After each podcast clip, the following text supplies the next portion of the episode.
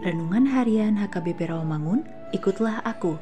Sabtu 13 Agustus 2022 dengan judul Berbalik kepada Tuhan.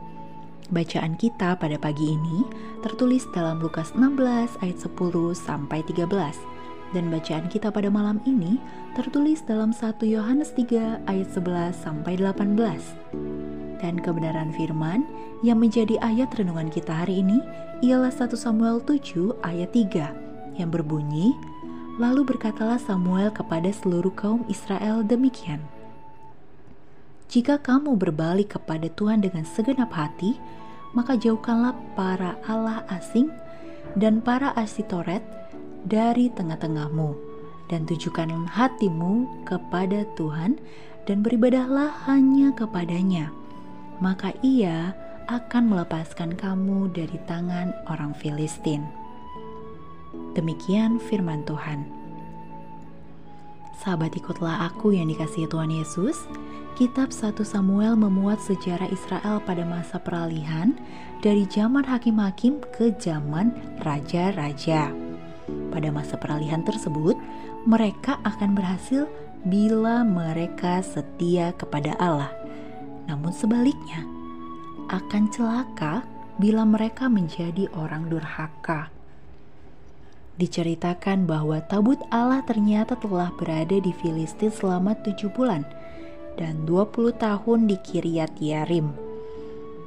Di situ mereka pun ditimpa musibah dan sengsara. Maka mereka pun berseru agar Tuhan kiranya melepaskan mereka dari tangan orang Filistin. Namun Samuel menyerukan agar mereka jangan hanya bersikap pasif dalam memohon kelepasan dari Tuhan. Yang terpenting ialah agar mereka bergerak membenahi diri sendiri. Apa itu? Perhatikan urutannya dengan seksama. Berbalik kepada Tuhan dengan segenap hati, lalu menjauhi ilah-ilah duniawi.